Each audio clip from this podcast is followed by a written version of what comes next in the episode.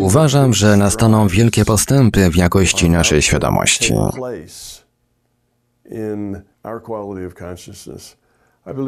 Uważam, że rozwiniemy się sporo przez kolejną dekadę, a to z kilku powodów.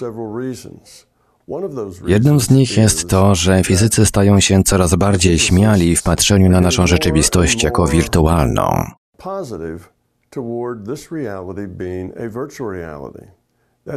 To spojrzenie się coraz bardziej rozrasta, ponieważ jest to jedyna perspektywa, która naprawdę odpowiada rezultatom eksperymentów.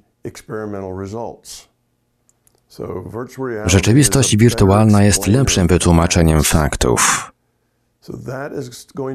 Ta perspektywa będzie się rozrastać. i razem z tym wzrostem mm, uważam, że w bliskiej przyszłości i w kolejnej dekadzie zobaczymy, że fizycy dochodzą do wniosku, że nasza rzeczywistość jest jak najbardziej wirtualna. Kiedy to nastąpi, będzie to miało logiczne konsekwencje. Jedną z nich jest to, że jeśli ta rzeczywistość jest wirtualna, to musi być generowana, wytworzona gdzieś indziej. Wirtualna rzeczywistość nie może sama się wygenerować. Komputer musi być poza rzeczywistością, którą sam generuje. To zaś skłania nas do wniosku, że jeśli to jest wirtualna rzeczywistość, to my i nasze ciała, czyli nasze awatary i ta wirtualna rzeczywistość, jesteśmy stworzeni w miejscu, które jest niefizyczne w stosunku do nas i jest ponad zbiorem dla nas. Innymi słowy, ta nasza rzeczywistość jest zbiorem albo częścią czegoś, co jest bardziej fundamentalne i niefizyczne and that is non-physical.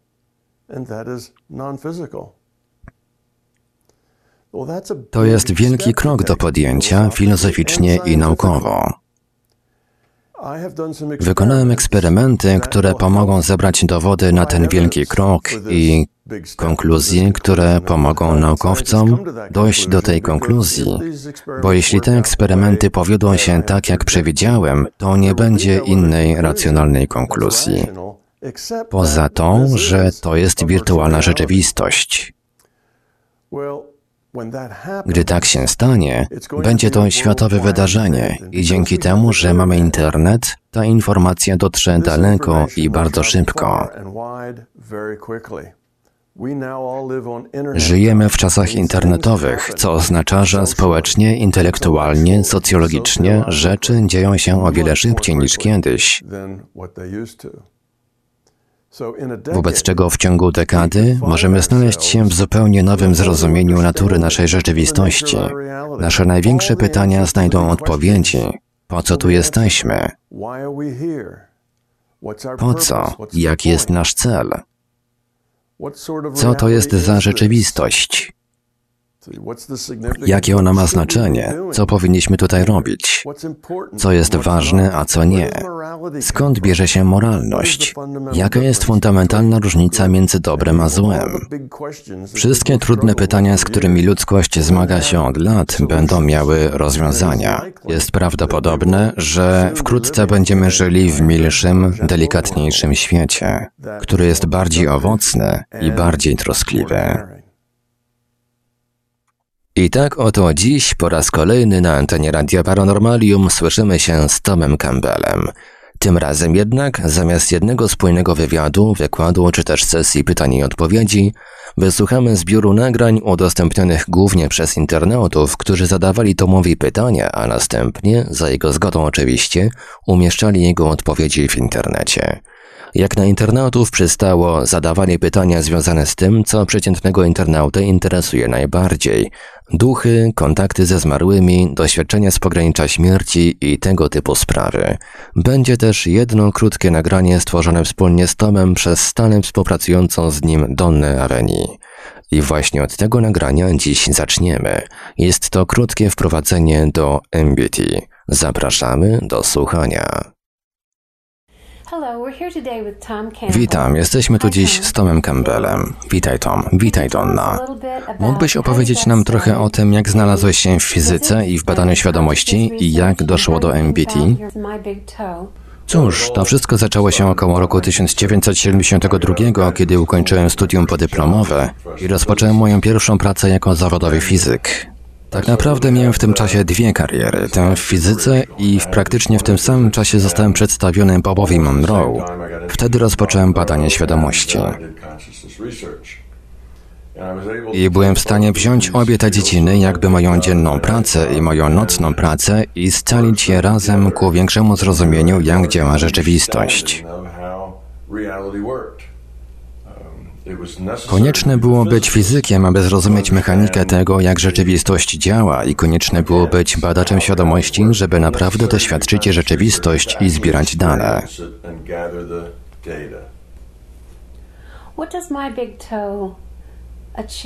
Co osiąga MBT? Co obejmuje MBT i dlaczego tak to nazwałeś? MBT, My Big Toe, to moja wielka teoria wszystkiego, a słowo moja w MBT jest tam nie dlatego, że jestem aż taki dumny, tylko po to, by podkreślić, że jeśli nie jest to Twoje doświadczenie, to nie jest to też Twoja prawda. MBT po prostu miał być katalizatorem dla czytelnika, aby ten wypracował sobie własną teorię wszystkiego. To nie jest coś, w co należy wierzyć, to jest narzędzie do stworzenia własnego zrozumienia natury rzeczywistości. Twoja trylogia wyrabia kompletną derywację świadomości. Jak zacząłeś nad tym pracę? Zajęło mi około 35 lat, aby zrozumieć naturę świadomości i to, jak ona działa. Nie jest to ani łatwa, ani szybka rzecz do pojęcia. Wymagało to wiele badań z mojej strony z wchodzeniem w odmienne stany świadomości, a następnie, będąc tam, grałem rolę naukowca, by ocenić, czy to, co tam widzę, jest prawdziwe. Czy skąd wiesz, że nie wymyślasz tego sobie? W jaki sposób korzystać ze świadomości? Co może ona zrobić, czego nie może zrobić? Jakie są ograniczenia? Wszystkie te rzeczy musiały zostać odkryte bardzo powoli w żmudnych badaniach. Trzeba być w stanie powtórzyć odmienny stan świadomości. Za każdym razem trzeba się dostać w to samo miejsce. To musi być powtarzalne a następnie starać się wyeliminować jak najwięcej zmiennych i testować te czynniki, których wpływ chcesz sprawdzić.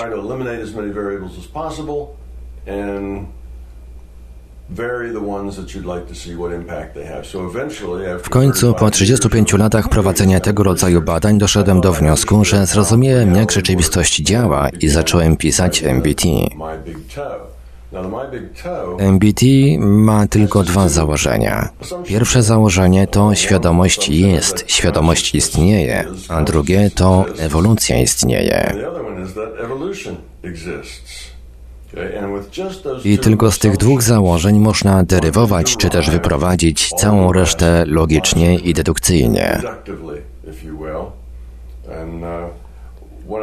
Kiedy więc skończyłem, zdałem sobie sprawę, że miałem model świadomości, który tłumaczy większość rzeczy, o których mówią metafizycy, o których mówią teolodzy, większość rzeczy, o których mówi paranormalna społeczność. I wtedy odkryłem, że te same pojęcia, które pozwalają zrozumieć naturę rzeczywistości, pozwalają również zrozumieć naturę fizyki. allowed one to understand the nature of reality.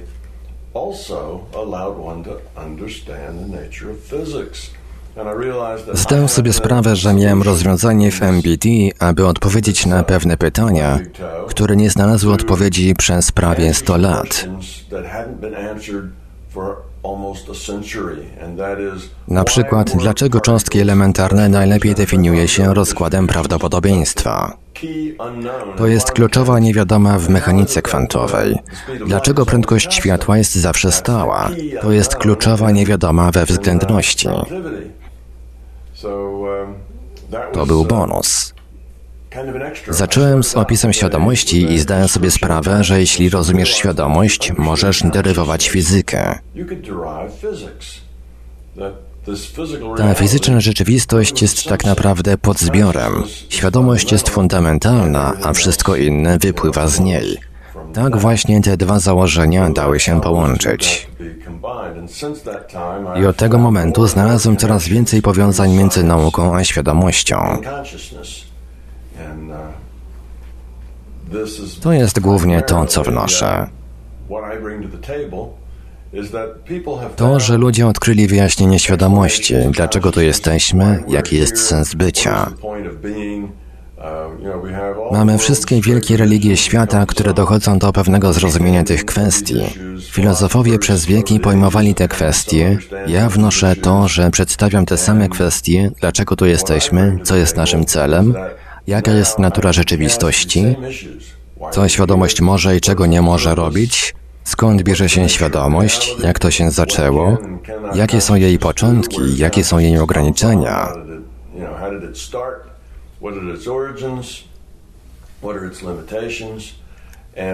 I mogę odpowiedzieć na wszystkie te pytania logiką, nauką. I ta sama logika, która odpowiada na te rodzaje metafizycznych i filozoficznych pytań, również wyprowadza fizykę.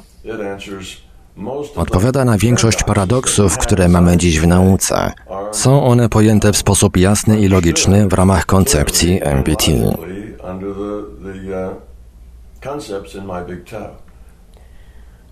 Włącznie ze zrozumieniem, co jest celem ludzkości w Twoim modelu rzeczywistości, nasz cel i powód, dla którego tu jesteśmy, jest taki, że nie jesteśmy fizyczni. To jest wirtualna rzeczywistość. To jest wirtualne ciało. Nasze ciało jest takie jak elfa w wirtualnej rzeczywistości w grze World of Warcraft. Fundamentalnie jesteśmy świadomością. W grze World of Warcraft to gracz jest świadomością dla elfa. Elf jest tylko wyliczonym wirtualnym bytem. Nasza rzeczywistość jest taka. Jest komputowanym wirtualnym awatarem, a my jesteśmy graczem, my jesteśmy świadomością. Dokonujemy wszystkich wyborów. Jesteśmy tutaj, aby dokonywać wyborów. A powód bycia tutaj i dokonywania wyborów jest taki, że świadomość najlepiej może być przedstawiona jako system informacyjny. Systemy informacyjne rozwijają się poprzez tworzenie informacji, czyli treść. Tworzą treści, tworzą strukturę. Przeciwieństwem struktury jest przypadkowość, przeciwieństwem treści jest losowość. Nie ma informacji w przypadkowości. Nasz cel tutaj w wykonywaniu wyborów leży w wyrażaniu decyzyjności w taki sposób, aby stworzyć więcej treści. Oznacza to, że rozwijamy się jako jednostka świadomości. Robimy to w kontekście interakcji z dużą ilością graczy, to jest gra multiplayer. Mając wielu graczy, tworzymy system społeczny. W ramach systemu społecznego optymalnym sposobem interakcji z innymi jest troszczenie się o tych innych, bycie pomocnym, współpraca, posiadanie współczucia. To są rzeczy, które optymalizują układ społeczny. Nazywam to ścieżką miłości. Przeciwieństwem ścieżki miłości jest ścieżka lęku, a lęk jest ścieżką, gdzie e, cofasz się w rozwoju. Jest to droga wysokiej entropii, nie ścieżka niskiej entropii.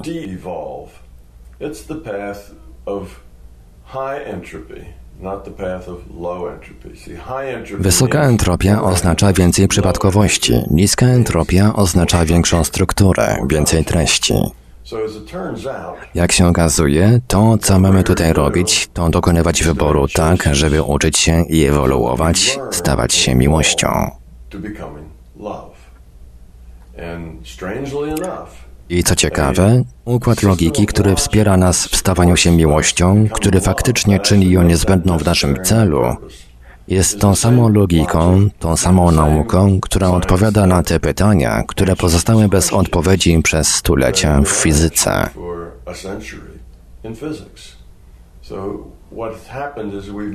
Połączyliśmy obydwa. Wzięliśmy teorię świadomości i wypełniliśmy lukę pomiędzy metafizyką, teologią i fizyką. Teraz widzimy, że wszystkie te rzeczy są częścią jednego większego pojmowania sposobu, w jaki działa świat. Możemy umieścić te wszystkie pojęcia w tym samym kontekście bycia, podejmowania decyzji. To jest główna różnica. Robiono to przez wiele, wiele wieków. Buddha to osiągnął i Mahomet, jak również Jezus, tak jak i wielu innych ludzi wykombinowało to, ale pojmują poprawnie tylko części metafizyczne, filozoficzne i teologiczne, ale nie rozumieją, jak to wszystko łączy się z nauką.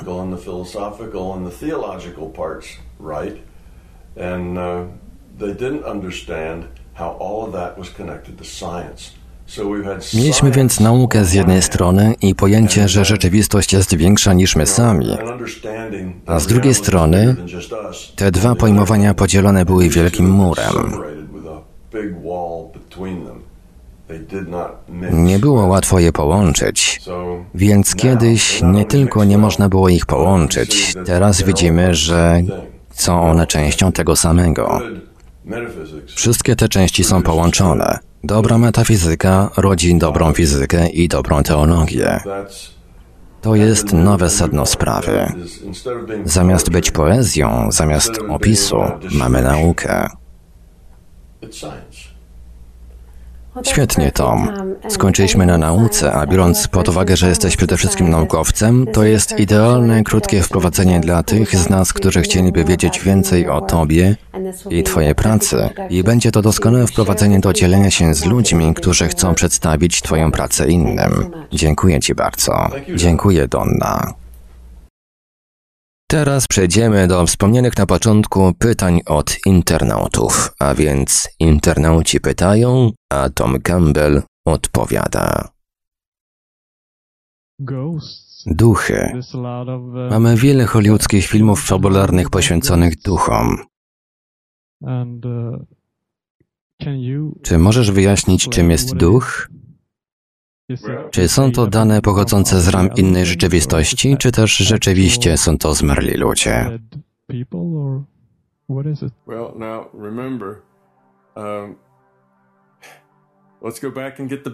Zacznijmy od podstaw.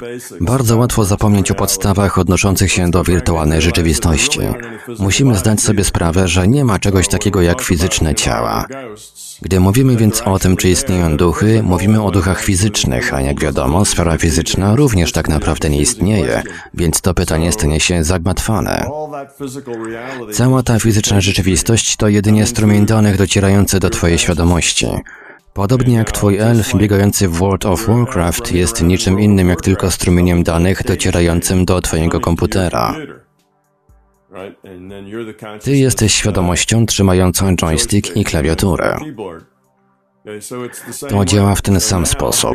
Jesteś tutaj, a twoja wirtualna rzeczywistość, którą widzisz, jest rzeczywistością fizyczną, ponieważ właśnie tutaj znajduje się twoja uważność, jest to jedynie strumień danych docierający do świadomości.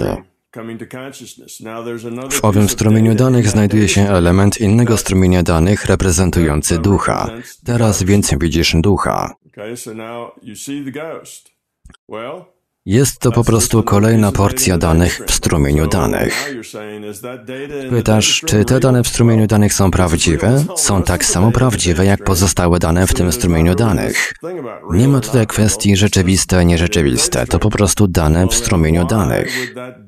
Skąd w takim razie te dane się wzięły w tym strumieniu danych? Przyczyn może być wiele. Może to być jakiegoś rodzaju nauka dla ciebie, mająca otworzyć ci oczy na większą naturę rzeczywistości. Uh, może posiadać jakąś wartość szokującą, może mieć też jakieś wyzwania mające na celu pomóc Ci w rozwoju. Być może więc dlatego właśnie te dane trafiły do Twojego systemu świadomości. Kto wie, co może się wydarzyć? Może zostaniesz pisarzem piszącym o duchu, którego właśnie zobaczyłeś.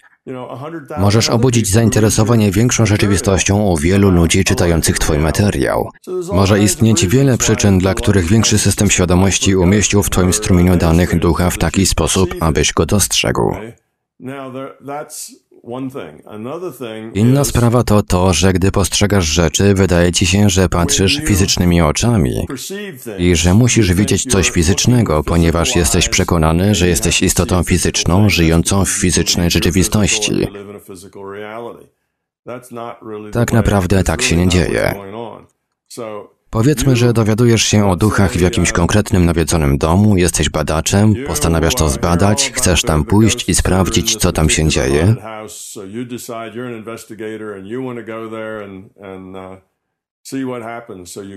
Przychodzisz więc, siadasz, czekasz i wtem widzisz coś kątem oka i zastanawiasz się, czy to jest to. Może zobaczysz coś gwałtowniejszego. Dlaczego zobaczyłeś tego ducha? Dlatego, że przygotowałeś się na to doświadczenie. Czy ten duch rzeczywiście tam był? Nie, nie było go. Ciebie też tak naprawdę nie było, bo to wszystko jest tylko wirtualną rzeczywistością. Odbierasz dane oraz możesz sam je generować, ponieważ my, używając swoich umysłów, również możemy tworzyć dane. Nazywa się to wyobraźnią. Możemy tworzyć dane, do tego większy system świadomości może przekazywać nam dane i te dwa strumienie danych współdziałają ze sobą. Być może cały czas żyłeś tematem duchów, po czym udałeś się do tego domu, wziąłeś się na odwagę, wziąłeś swoje przyrządy i udałeś się tam, a ponieważ jesteś na tym tak bardzo skupiony i skupiasz się na tym, co się stanie, to ty możesz stworzyć te dane. Czy to oznacza, że dane nie są prawdziwe? Są tak prawdziwe, jak tylko dane mogą być. Po prostu pochodzą one z innego źródła. Istnieją dane, które sam tworzysz oraz dane pochodzące spoza ciebie. Jeśli powiesz, że dane tworzone przez ciebie nie są prawdziwe, no to cóż, w porządku. Ale nie zmienię to faktu, że dane to dane. Nie dostrzegłbyś ich, gdyby tych danych nie było. Czy dane są prawdziwe? Wszystkie dane są prawdziwe. Pozostaje tylko kwestia tego, jakie dane chcesz zobaczyć lub w jakie chcesz uwierzyć. Wiara to złe słowo. Przekonanie to problem, od którego należy zacząć. Są to więc tylko dane. To się dzieje. Dzieje się, ponieważ tak działa Twoja wyobraźnia, albo też dlatego, że zostało to wysłane w strumieniu danych z takiego czy innego powodu. Możemy też powiedzieć, że wysłała je inna istota, większy Większy system świadomości może mieć na przykład Twojego przewodnika, bądź też osobę zamordowaną w danym budynku i tak dalej. Idea polega na tym, że energia czy też pamięć tej istoty powoduje, że Twoja świadomość zaczyna myśleć o tej istocie, co z kolei łączy się z bazą danych o tej istocie, skąd możesz otrzymać dane na jej temat. Możesz coś słyszeć, otrzymywać obrazy i wszelkiego innego rodzaju inne rzeczy. Czy są one prawdziwe? Są tak samo prawdziwe jak dane. Jak widać, jest to bardzo problematyczne pytanie, czy duch jest prawdziwy, ponieważ pytanie zakłada, że ta rzeczywistość jest fizyczna i żeby rzeczy mogły być prawdziwe, muszą być fizyczne. Czy więc rzecz, co do której nie jesteśmy pewni, jest fizyczna czy nie? Czy widzimy plazmę, czy może ducha? To wszystko tworzy problem i powoduje, że w kontekście tego problemu to pytanie staje się trudne. Ponieważ sam problem nie jest właściwy. To nie jest fizyczna rzeczywistość. Pytanie, czy rzeczy są prawdziwe, czy nie, oznacza, że one są fizyczne lub nie. Fizyczność nie jest prawdziwa. Udzielenie odpowiedzi na tego typu pytanie jest trudne, ponieważ po pierwsze musisz zrozumieć większą rzeczywistość oraz zrozumieć, co się dzieje. Musisz też zrozumieć, że to rzeczywiście może być powiązane z jakimś morderstwem popełnionym w konkretnym domu i że jesteś połączony z tą bazą danych. Ty interpretujesz te dane pod kątem obrazów. Czy te obrazy, które dostrzegasz, to prawdziwe duchy? Są to prawdziwe dane. Otrzymujesz je z bazy danych. Prawdziwe dane możesz również otrzymywać od swojej wyobraźni, jak też od większego systemu świadomości.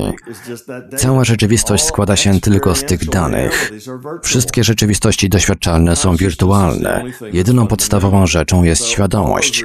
Wszystkie te rzeczywistości, pośmiertna, rzeczywistość, do której przechodzisz, by stawiać czoła wyzwaniom wspomagającym rozwój, rzeczywistość fizyczna, one wszystkie są tylko wirtualnymi rzeczywistościami, w których możemy doświadczać. Taka jest natura doświadczenia. Musi ono mieć miejsce w wirtualnej rzeczywistości, musi być interaktywne. Musisz mieć zasady i struktury związane z interakcją. Jeśli ich nie masz, nie masz też doświadczenia. Doświadczenie oznacza współdziałanie z czymś innym, obojętnie czy jest to skała, czy inna osoba. Chodzi o interakcję. Wymiana danych oraz zasady opisujące te interakcje, to w jaki sposób ona działa, gdzie zachodzi i jakie są jej ograniczenia. To wszystko definiuje naszą wirtualną rzeczywistość. Jest to opisujący ją zestaw zasad. Wszystkie rzeczywistości są wirtualne, jeśli służą doświadczaniu. Nie ma czegoś takiego, że jedna rzeczywistość jest bardziej prawdziwa od innej.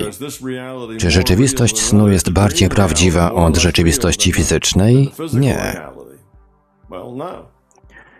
Są to po prostu ramy dwóch różnych rzeczywistości. Gdy Twoja uważność przebywa w rzeczywistości snu, to właśnie ta rzeczywistość wydaje się fizyczna i prawdziwa.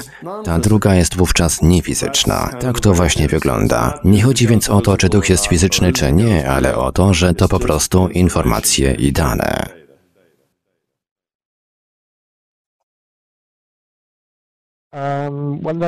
Pytanie zadane przez użytkownika z Wielkiej Brytanii na mojej stronie internetowej. Uh, was uh, uh.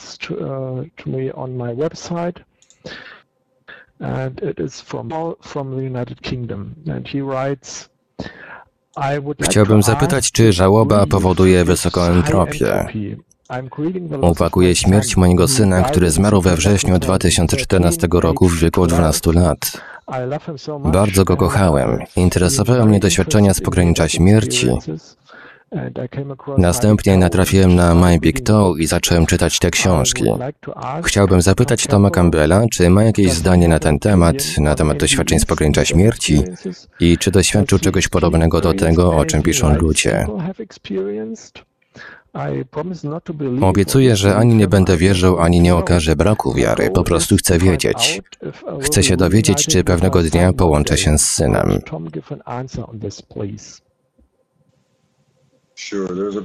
W tym pytaniu zawartych jest jakieś pięć innych pytań. Pierwsze dotyczy tego, czy żałoba jest procesem powodującym wysoką entropię. Odpowiedź brzmi nie, ale zależy to od tego, jak bardzo ją przeżywasz.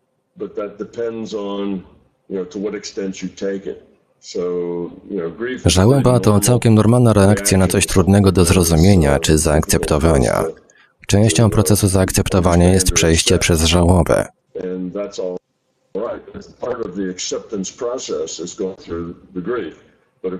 Jeśli jednak żałoba prowadzi do zaakceptowania, co zwykle zajmuje nieco czasu, to wówczas jest ona czymś dobrym, czymś, co prowadzi do zaakceptowania i do dalszego życia.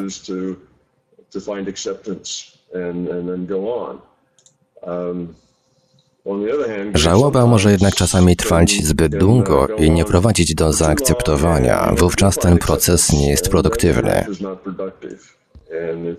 W takim wypadku może to być proces o wysokiej entropii, bardzo destruktywny, w którym nie jesteś w stanie dotrzeć do punktu, w którym akceptujesz dany fakt i żyjesz dalej.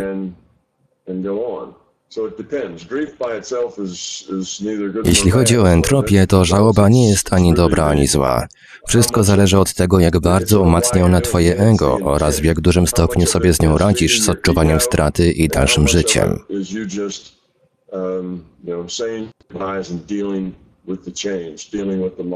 Może to więc być proces efektywny lub destruktywny. Jest to kwestia bardzo indywidualna.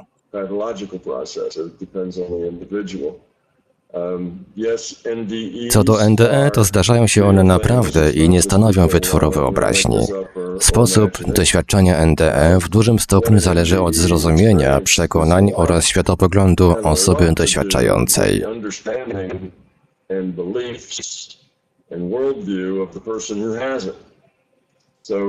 Na przykład w wielu doświadczeniach z pogranicza śmierci osoby doświadczające przechodzą przez tunele.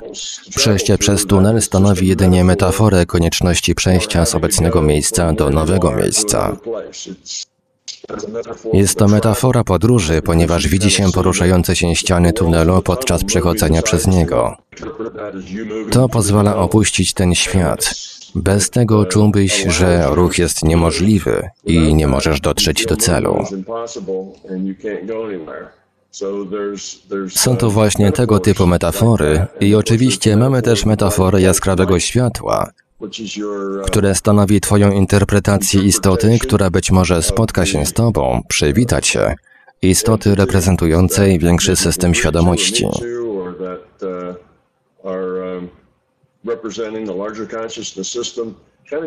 Zależy to od potrzeb i poglądów osoby doświadczającej.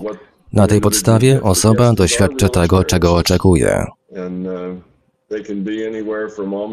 Takie doświadczenia rzeczywiście występują. Mogą one być bardzo proste, a mogą również zmienić życie. Czy połączysz się ze swoim synem?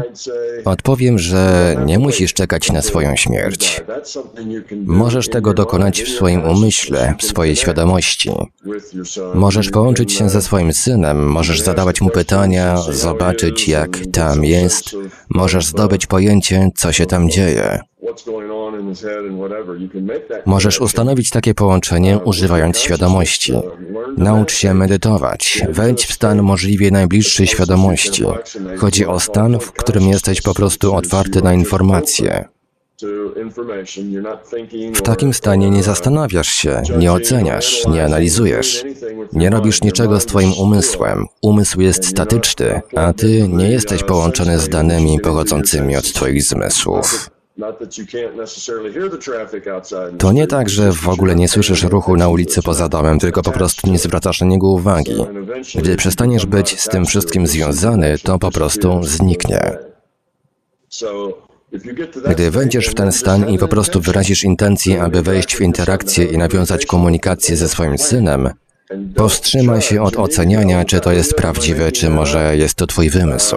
Zostaw to na później. Po prostu odbądź rozmowę.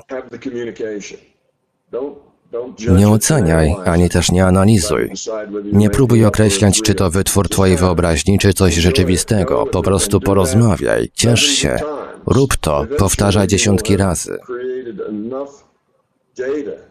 W końcu stworzysz wystarczająco dużo danych, wystarczająco dużo doświadczenia z tym łączem komunikacyjnym i dopiero wtedy będziesz mógł stwierdzić, czy to wytwór Twojej wyobraźni, czy też coś pochodzącego spoza Ciebie.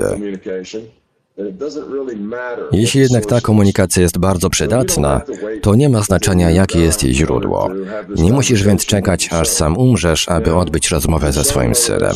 Twój syn będzie żył dalej, ma inne rzeczy do zrobienia, być może inne życie. Nie będzie po prostu czekał na Twoją śmierć. Ty też nie powinieneś udawać umierającego, żeby nawiązać kontakt ze swoim synem. To byłby zły pomysł.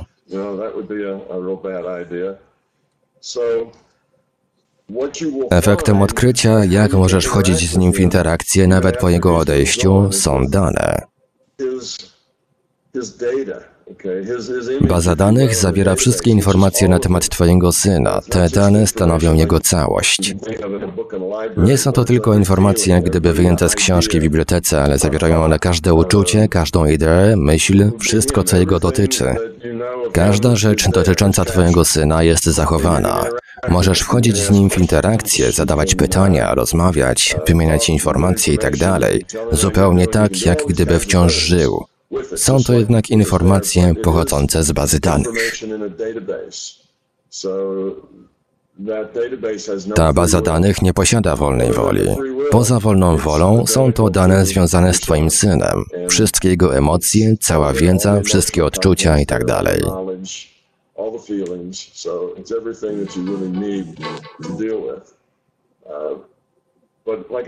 Jak mówiłem, nie musisz czekać na połączenie się z synem, możesz nauczyć się tego teraz. Musisz mieć dobre, otwarte podejście, nie możesz mieć żadnych oczekiwań. Jeśli masz bardzo wygórowane oczekiwania co do tego, co się stanie, to te oczekiwania będą przeszkadzały, podobnie jak zbyt duże ego przywiązane do celu. Chodzi o to, abyś po prostu pomyślał o kontakcie z synem i aby to się stało. Po prostu otwórz się. Jeśli uda się nawiązać połączenie, to po prostu działaj dalej. Pracuj nad tym. To tyle, jeśli chodzi o moją radę dotyczącą tego, jak połączyć się z Twoim synem i odbyć z nim rozmowę. Rozmowa pomoże przejść przez proces żałoby. Mam więc nadzieję, że w ten sposób pomożecie sobie nawzajem. Tom, dziękuję za tę odpowiedź. Zrobię co w mojej mocy, aby dotarła ona do Paula. No i to by było na tyle na dziś, tym razem dosyć krótko, ale jak zawsze bardzo konkretnie i ciekawie. Zamiast jednego spójnego wywiadu, wykładu czy też sesji pytań i odpowiedzi wysłuchaliśmy zbioru nagrań udostępnionych głównie przez internautów, którzy zadawali pytania Tomowi Campbellowi, a następnie za jego zgodą umieszczali jego odpowiedzi w internecie. Wersja polska Radio Paranormalium www.paranormalium.pl Tłumaczenie i opracowanie Witold Tomkiewicz oraz Marek Sękiewelios.